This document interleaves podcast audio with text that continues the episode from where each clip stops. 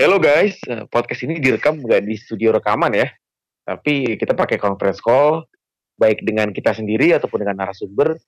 Mohon maklum kalau misalnya ada ada suara truk lewat, motor lewat, ataupun kelihatannya lagi ngobrol sama orang lain gitu. Thank you.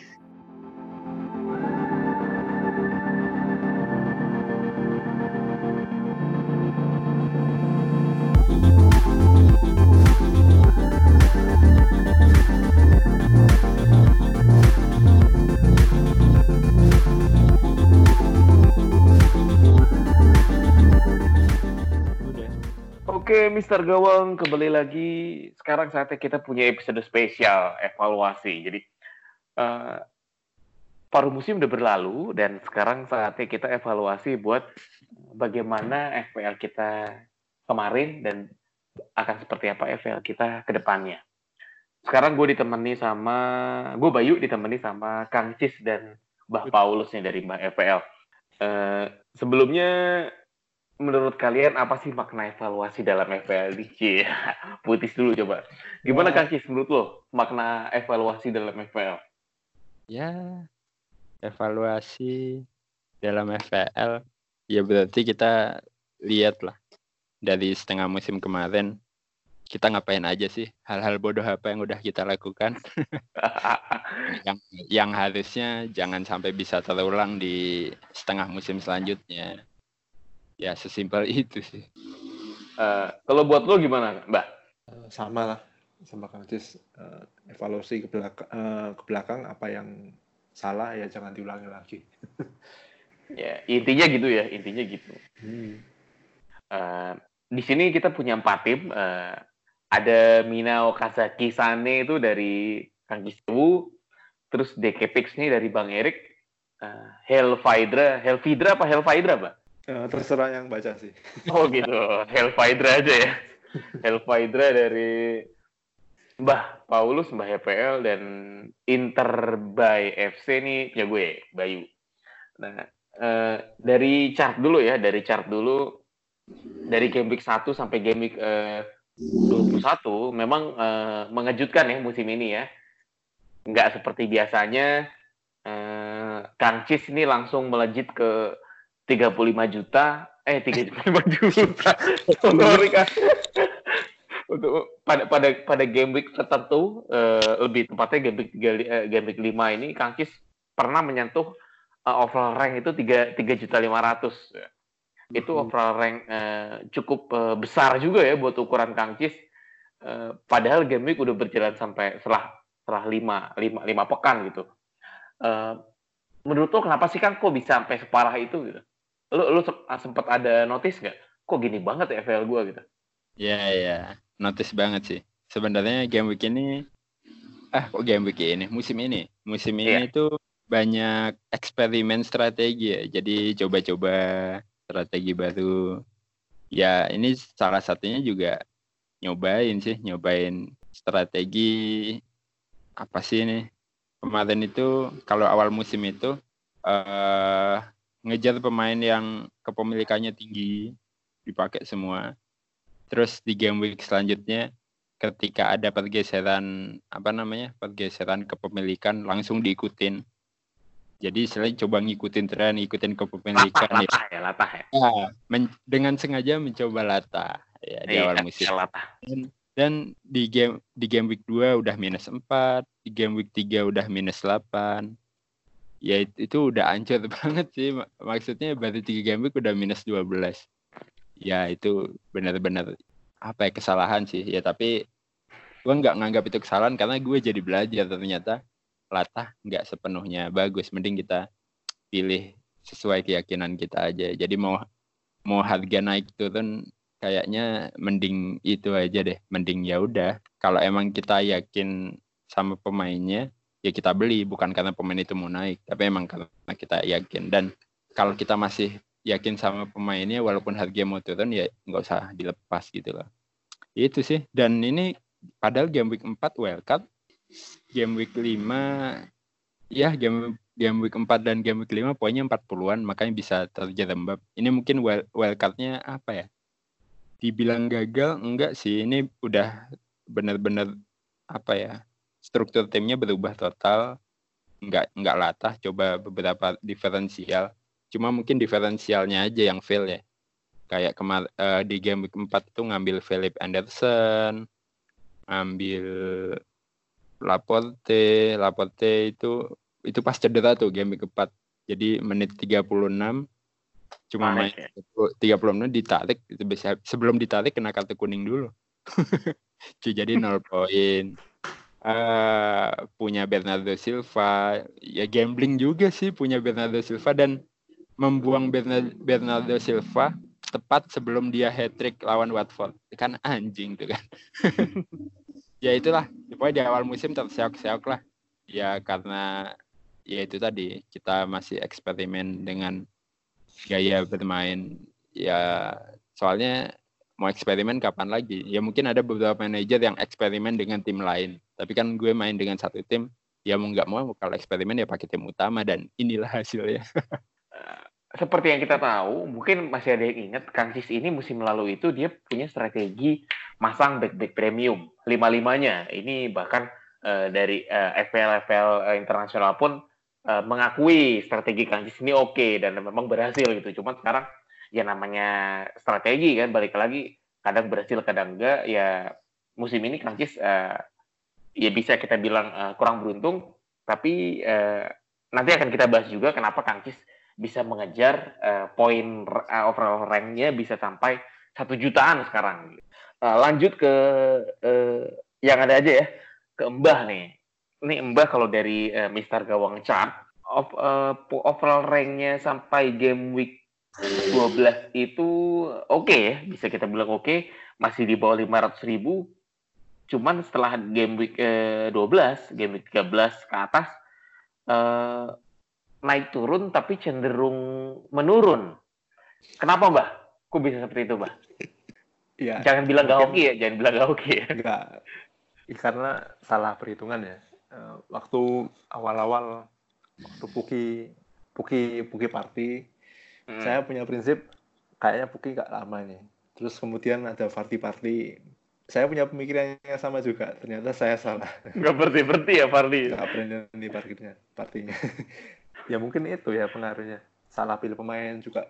Sempat saya triple city, eh, ketika City mainnya anjlok otomatis uh, tim FPL saya juga anjlok ya otomatis. Waktu dia mereka uh, seri 2-2 lawan Newcastle itu saya punya Sterling sama Aguero nggak ngapa-ngapain itu.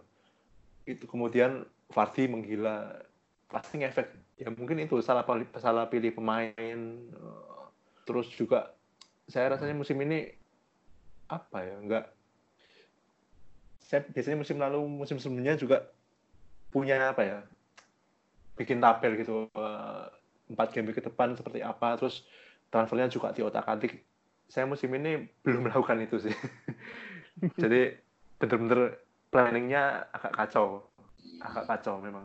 Tambah memang oh, pemain oh. pilihan saya juga kurang oke okay ya. Terutama di game week. Dari mulai game week 11 itu mulai kacau gitu. 11 sampai ke sekarang itu mulai kacau. Ah sebenarnya uh, ada dua hal yang uh, mau gue komenin dari uh, komentar yang Mbah nih mengenai hmm. uh, peringkatnya yang menurun akhir-akhir ini? Pertama uh, salah perhitungan mengenai pemain uh, pemain striker yang sekiranya striker ada stopnya nggak taunya nih ini striker nggak ada nggak ada stopnya nih. Dia continue terus. Fardi kan pause cuma karena ya itu istrinya lahirin terus eh, dianggapnya kayak cedera. Gue nggak tahu itu cedera beneran apa enggak tapi sekarang udah mulai main lagi oke okay lah gitu. Terus eh, mungkin eh, pertanda itu juga bisa lo gunain buat eh, Daniel eh Danny Ings ya mbak ya. Karena lo, lo nganggapnya Danny Ings mungkin bakal stop cuman kita nggak tahu dia stopnya gimana karena kemarin pas lawan Spurs aja dia itu peluangnya bukan peluang yang ece-ece loh. Dia tiba-tiba dapat bola terus lari langsung golin kan. Ya semoga ini jadi pertanda juga buat yang ngedengerin ataupun bah juga ya ya mungkin sinyal bisa datang dari mana aja gitu. Mbah udah ngalamin sinyal banyak mengenai striker semoga bisa jadi pembelajaran buat kita juga nah, Gitu. Uh, tapi Fardi kelasnya lain lah sama tadi. Beda ya. kalau kalau tapi cepatnya sama lah ya. Itu kalau kalau di FIFA larinya dua-duanya kencang deh, Bang. okay. uh, kalau gue gimana ya? Gue peringkat gue cukup konsisten. Uh, kisaran uh, sekarang nih gue peringkat 68 ribu. Gue pernah merosot itu di game 7, gue lupa tuh karena apa ya pokoknya. Pokoknya poinnya jelek kalau nggak salah. Cuman uh, bener kata ya kalian-kalian ya yang udah pengalaman di peringkat-peringkat gede, kalau memang kita dari awal udah ngegas, uh, kalaupun emang poin kita jelek itu seenggaknya tuh masih bisa bertahan gitu. Asal minusnya jadi kebanyakan gitu. Gue gue sempet di game week game week 19, 18, 19 atau 20 gitu. Itu tuh poinnya jelek. Sampai yang kemarin juga kan poinnya jelek 40. 40 itu kalau nggak salah di bawah average ya. Average itu 48 kalau nggak salah. Ya gimana ya? Agak jelek juga gitu. Terus selain selain hoki uh, ya pemilihan pemain sih, pemilihan pemain, pemilihan kapten. Jujur gue jarang blank. Blank tuh uh, nggak banyak lah kalau dari 21 game week itu paling angkanya di bawah 5 kalau nggak salah gitu. Terakhir tuh game blanknya juga karena si Fardi nggak main jadinya Martial dan Martial nggak ngapa-ngapain. tetap uh, pilih pemain yang uh, kita yakinin sama paling utama jangan salah pilih kapten. Nah itu kalau dari gue dari untuk Mister Gawang Chart. Nah untuk uh, secara keseluruhan tadi overall rank kita udah bahas ya overall point ini ya kurang lebih mengikuti overall rank. Hmm, Mbah yang mulai terkejar nih, Kangkis yang yang yang poinnya uh, naik gila-gilaan. Uh, wildcard, uh, gue sama Mbah sama-sama ngegudain di game keempat. Hasilnya ya kurang lebih sama ya Mbah ya. Kangkis di game keempat juga, oh Bang Erik ya game 6 nih. Uh, highest overall rank sama aja, lowest tadi udah kita bahas juga transfer mate. Nah, ini harusnya ada Bang Erik nih. Dia cuma 21 kali transfer. Ini orang kayaknya minusnya jarang ya Bang Erik ya. Bener gak sih? Itu. Minusnya itu di bawahnya itu cuma min 16 berarti cuma 4 kali 4 hit. 4 kali berarti ya? Ya. Yeah. jarang men itu hitungannya men. 21 game week cuma 4 kali minus. Kampret nih orang. Oke, yang paling sedikit di antara kita deh, Kangkis deh. Yuk. Eh, lu 24, eh, gue mbah 28. Ini mbah gokil juga musim ini minusnya banyak ya. minusnya? Iya. minusnya, oh. Sebenarnya tipis-tipis beda satu doang. Tapi pertimbangan lu buat minus apa nih, Kang? Kalau bahkan udah jelasin tadi. Ya, ya. Uh, ya itu tadi di game week 2 dan 3 kan emang udah pakai tiga minus ya untuk untuk eksperimen jadi istilahnya dari 8 minus ini mungkin cuma 5 ya, 5 minus yang memang benar-benar uh, digunakan dengan baik. Dan itu kebanyakan sih itu ya gue pakai pas punya dua free transfer jadi langsung tiga. Jadi langsung tiga transfer. Mini wildcard lah kayak yang tadi kita bilang ya. Jadi rasanya ya mungkin ada sekali sih tapi gue usahakan untuk nggak minus kalau cuma pegang satu transfer. Karena rasanya lebih enak gitu. Uh, minus 4 tapi kita punya kelelus keleluasaan untuk ganti tiga titik itu sih gue ya mulai disiplin aja. Ya abaikan game week 2 dan 3 ya. Sisanya sih oke. Okay. tapi gue malah ini gue malah penasaran sama Om Bayu nih. Ya katakanlah di antara kita berempat ya termasuk yang paling banyak ya. Hmm, ada 26 kali transfer dan minus 28 ya berarti tujuh tujuh kali tujuh kali poin hit. Nah tapi overall ranknya tetap aman nih di atas tapi biasanya kan yang banyak hit nih overall ranknya ya menengah ke bawah lah. Biasanya tim yang hmm. papan atas nih jarang hit nih. Tapi Om Bayu bisa dengan banyak hit poinnya tetap gede. Mungkin bisa diceritain Om gimana tuh? Ah sebenarnya eh, untuk hit ini gue gue ngambil prinsipnya Mbah nih. Mbah itu kan prinsipnya pokoknya itu itu gue ingat sampai sekarang loh mbak lu lu jangan ngambil minus kalau misalnya lu nggak datengin pemain yang emang uh, lu butuhin lu butuhin di sini which is kayak pemain premium lah anggaplah ya. Nah di situ uh, gue emang bener-bener manfaatin. Gue kalau misalnya gue bener-bener mau ngambil min minus atau ngambil hit itu gue harus yakinin pemain yang gue ambil ini harus gacor di game tersebut. Paling enggak tuh buat cover uh, poin yang udah gue hilangin. Ditambah kalau misalnya gue udah mutusin buat minus, jangan sampai kapten gue ini blank. Makanya gue gue pemilihan kapten jujur aja gue bisa sampai uh, hamin satu jam. Hamin satu jam jadi gue pantai tuh. Gue biasanya ini kalau tips gue buat mantau, mantau kapten gue biasanya lihat uh, pandit football eh pandit football uh, FPL-nya terus uh, gue lihat uh, uh, video-video yang dirilis sama official FPL udah di antara dua itu sih. Sama gue biasanya ngintip-ngintip kalian nih. Kalian kan biasanya udah rilis uh, tim ya? Rilis tim biasanya ada ada kapten dan ya walaupun beberapa kali ada nggak yang pernah kalian ganti padahal udah rilis tim enggak sih. Oh kebanyakan mah iya, misalnya iya, kalau misalnya lu, lu udah rilis di Twitter berarti itu tim lo gitu ya? Lu lu udah gak utak atik lagi berarti ya? Nah paling paling gitu sih. Jadi eh, ya itu walaupun uh, minus gue terbilang gede tapi gue tetap yakin uh, minus yang gue buat ini paling gak tuh bisa nge-cover uh, poin yang uh, udah gue relain buat uh, keluar ditambah pemilihan kapten gue juga harus uh, gacor uh, transfer cost oke okay. sekarang uh, poin bench nah ini poin bench juga cukup menarik uh, poin bench gue uh, 60 jadi gue paling uh, paling minim di sini jadi poin yang ketinggalan juga nggak banyak. Mbah 62, eh beda tipis ya Mbak ya kita. Uh, Bang Erik 124, gila nih orang emang sering banget ketinggalan poin di bench. Dan Kang Cis 120 sama aja anjir. Oke, okay, Kang Cis dulu nih, Kang Cis dulu. Uh, itu poin segitu banyak, emang squad lu segitu balance-nya sih Kang? uh, balance juga enggak ya sebenarnya. Mungkin balance di 12 pemain ya menurut gue. Jadi biasanya cadangan pertama gue itu cukup oke okay. ya uh, untuk untuk sekarang sih timnya cadangan pertamanya sih Kelly ya ya Kelly ya kita tahu kemarin kan beberapa kali clean sheet itu jadi cadangan. Terus gue juga pernah nyimpen Lundstrom saat brace dan clean sheet. Itu itu ngefek banget. Ya istilahnya poin poinnya dari pemain-pemain yang begitu sih. Ya istilahnya back back murah tapi tiba-tiba poinnya gede tiba-tiba clean sheet. Ya dan itu terakumulasi makanya bisa sampai 120 tapi kalau untuk sampai nyimpan gelandang atau striker striker mahal. Itu hmm, jarang sih. Sekalinya gue pernah nyadangin Puki dan ya emang nyekor sih. Ya kayak si Williams. Williams itu kan juga uh, nggak gue pasang karena takut nggak main ya. Tapi tahu-tahu dia cetak gol eh asis deh tahu-tahu dia asis terus juga Brandon Williams ya yeah, Brandon Williams juga tipe kalau dimainin tiba-tiba clean sheet ya gitu sih. Istilahnya banyak yang unexpected tapi emang dari harga-harga murah. Gue ya nggak cadangin Sterling atau salah juga sih. Ya itu sih. Nah mungkin kembah sama Om nih. Gimana nge-manage-nya? Apakah memang full di 11 pemain atau gimana? Kenapa pemain-pemain yang model Lundstrom, Kelly itu bisa bisa dipasang tepat pada waktunya? Itu sih. Mbah dulu deh, Mbah dulu. Jawaban gue template banget tuh.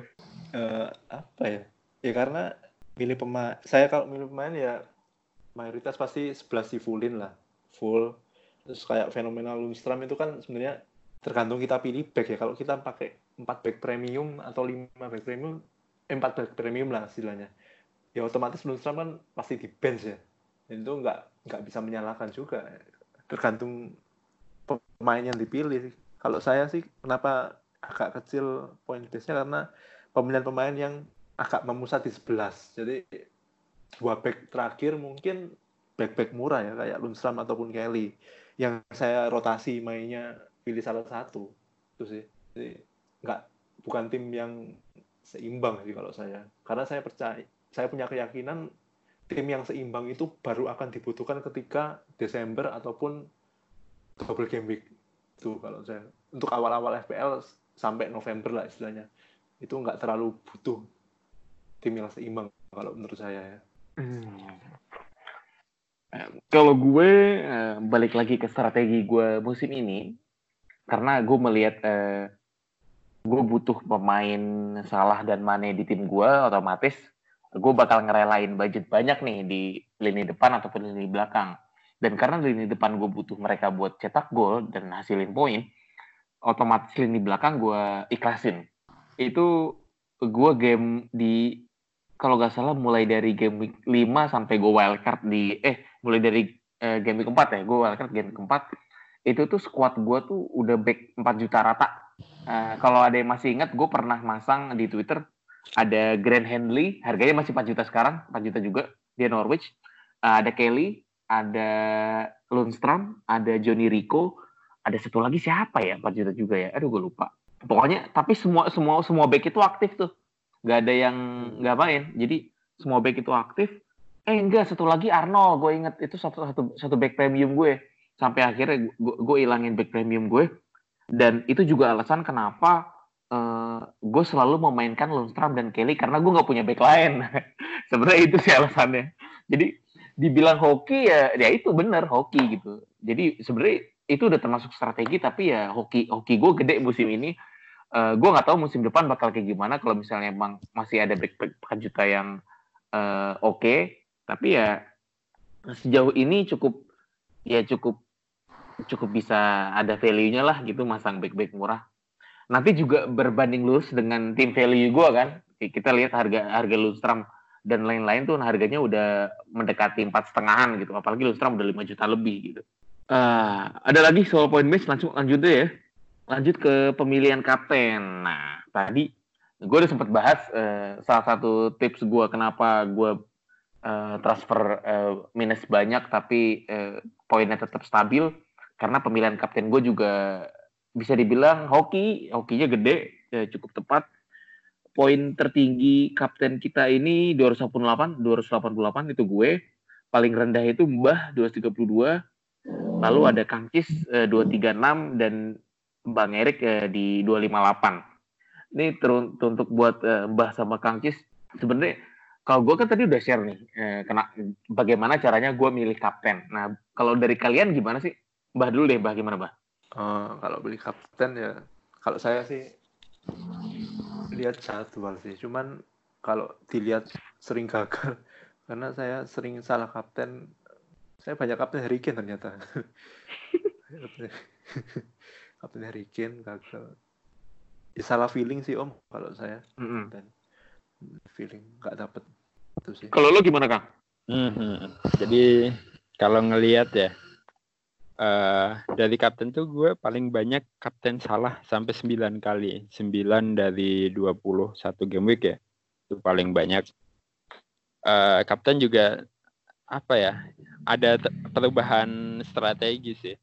Uh, untuk di awal-awal itu emang mau coba kapten di satu orang, satu pemain yang kita anggap uh, dia poinnya di akhir musim paling tinggi deh waktu itu gue nebaknya salah.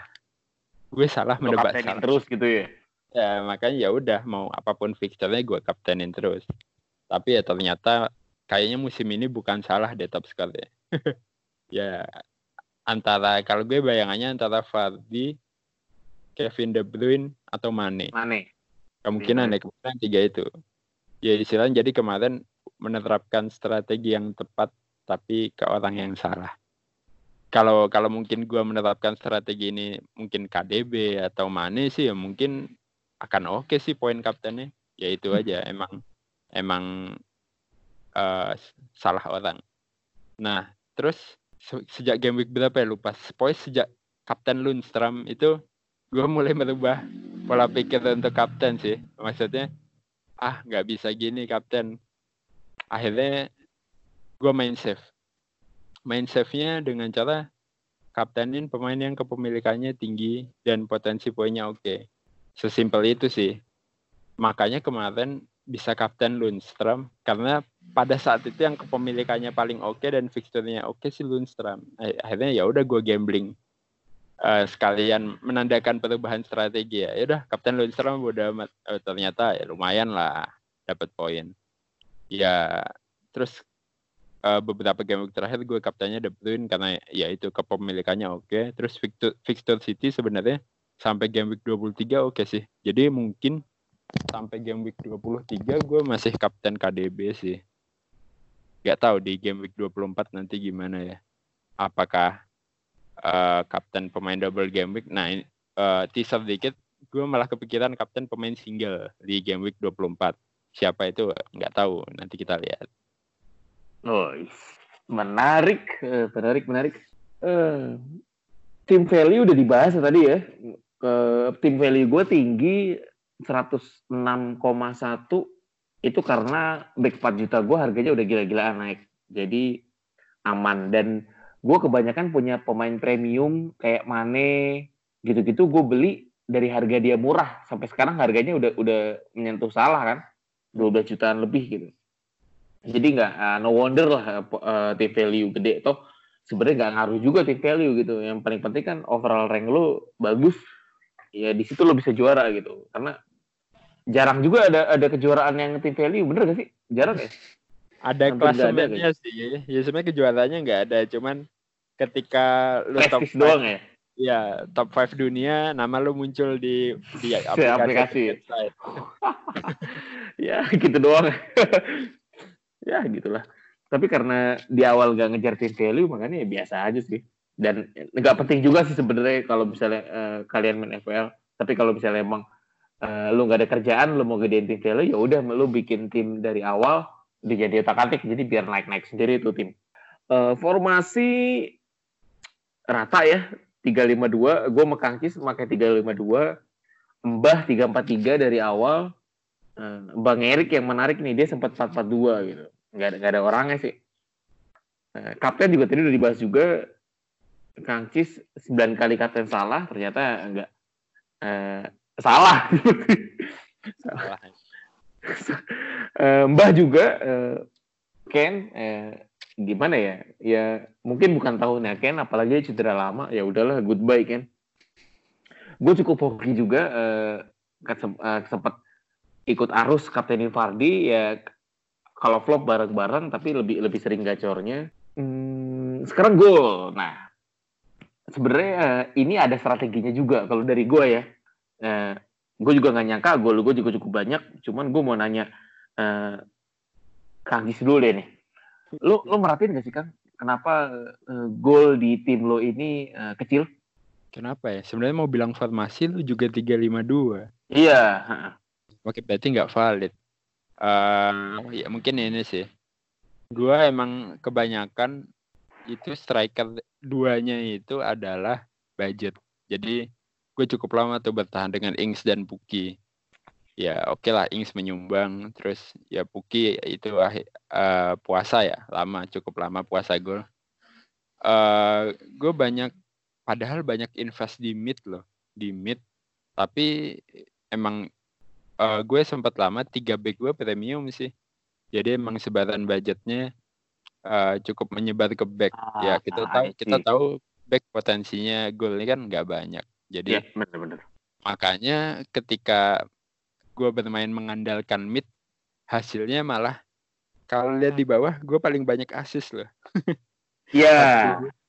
Yeah. ya karena gue emang maksimalin di mid ya mid ternyata lebih ya walaupun berpotensi gol juga tapi lebih berpotensi asis ternyata. Jadi begitulah. Nah dengan formasi yang sama apa sih yang beda dari kita om?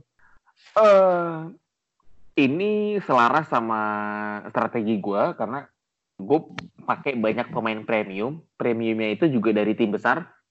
Kayak Mane Salah itu udah pasti terus uh, eh, KDB juga ada. Gue sempat Ali Ali juga kan Son juga kan terus uh, eh, gue ngambil Fardi juga buru-buru tuh walaupun menurut gue momentum Fardi pada saat gue ambil tuh cukup telat ya tapi yaudah gue paksain aja terus ras, uh, pemilihan gue atas transport uh, dibanding kalian yang milih Martial itu juga jadi diferensial juga dan itu juga jadi bukti eh, pada saat lo ngambil pemain depan premium, jaminan gol tuh udah pasti ada tuh, udah pasti ada.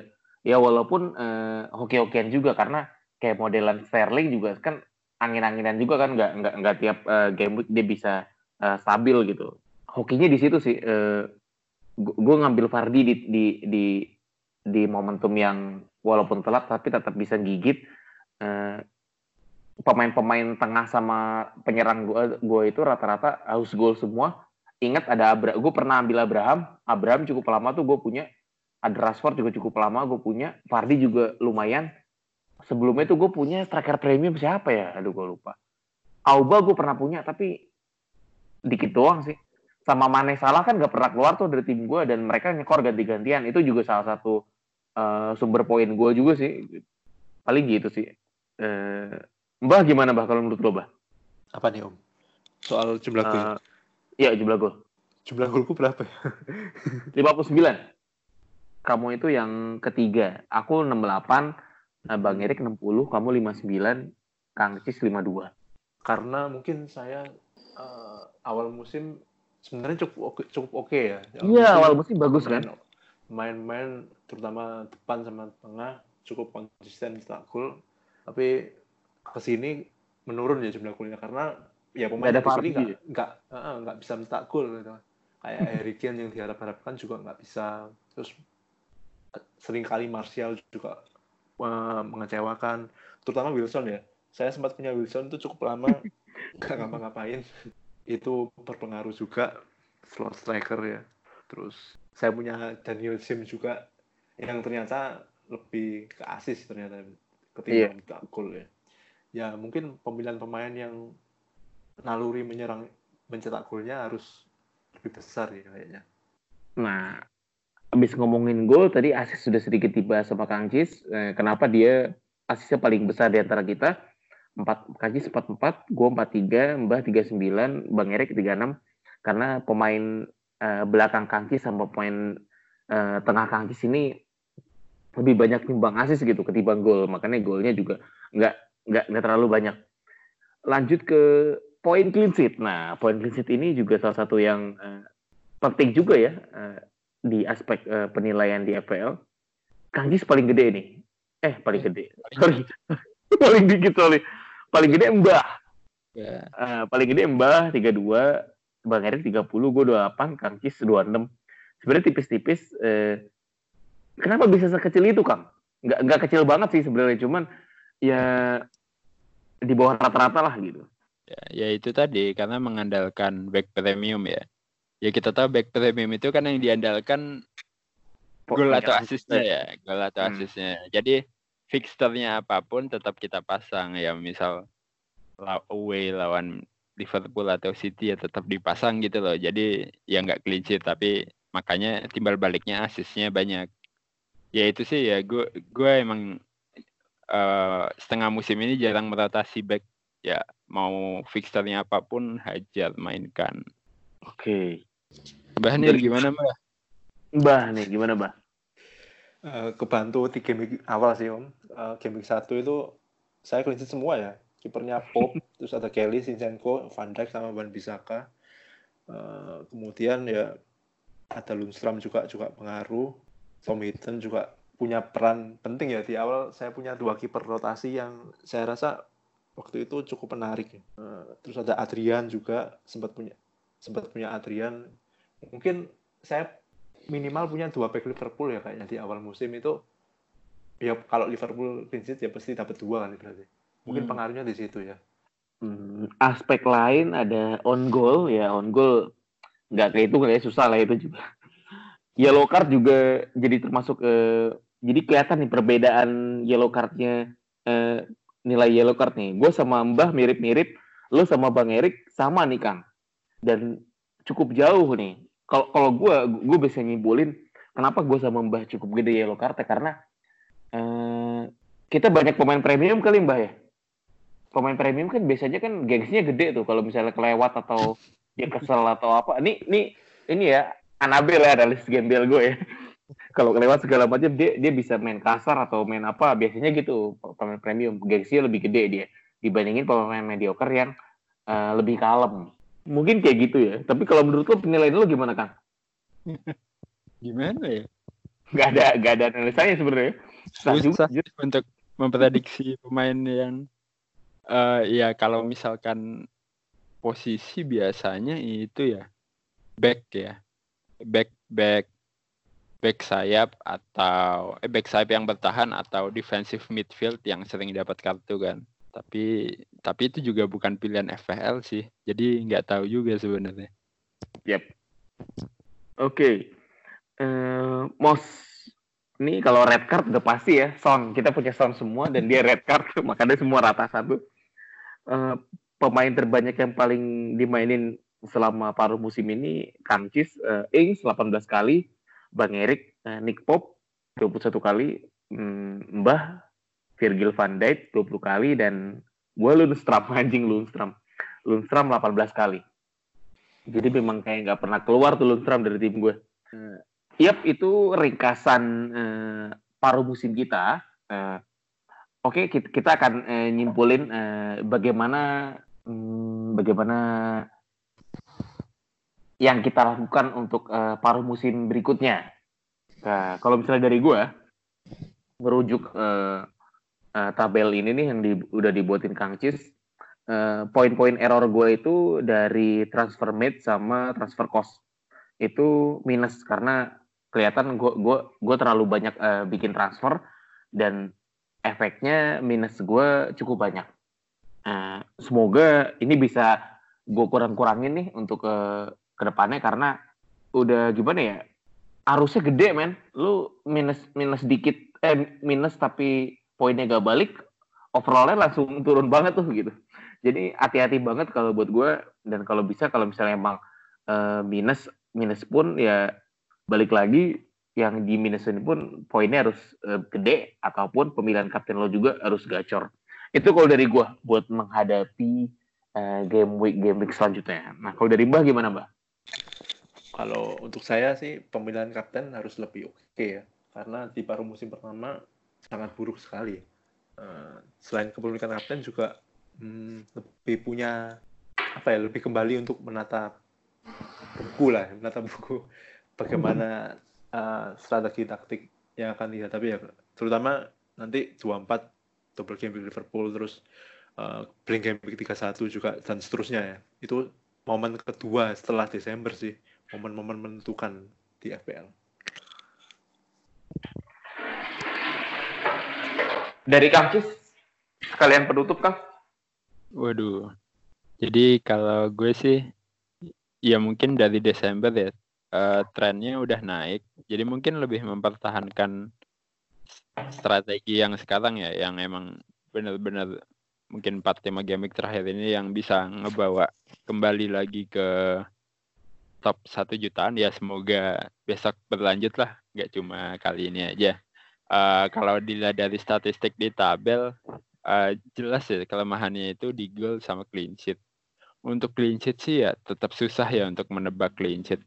Uh, kayaknya tetap nggak mau main rotasi back sih karena uh, nggak dirotasi aja poin benchnya poin benchnya udah gede. Apalagi salah rotasi makin gede yeah. lagi benchnya.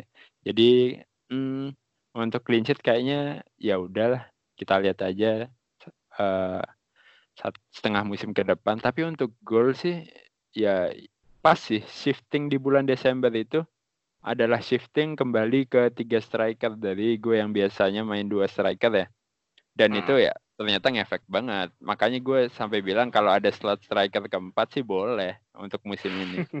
Jadi ya ke depannya sih mungkin akan konsisten di tiga striker sih. Ya itu sekalian untuk menyusul ketertinggalan gol-golnya. Itu dia. Oke.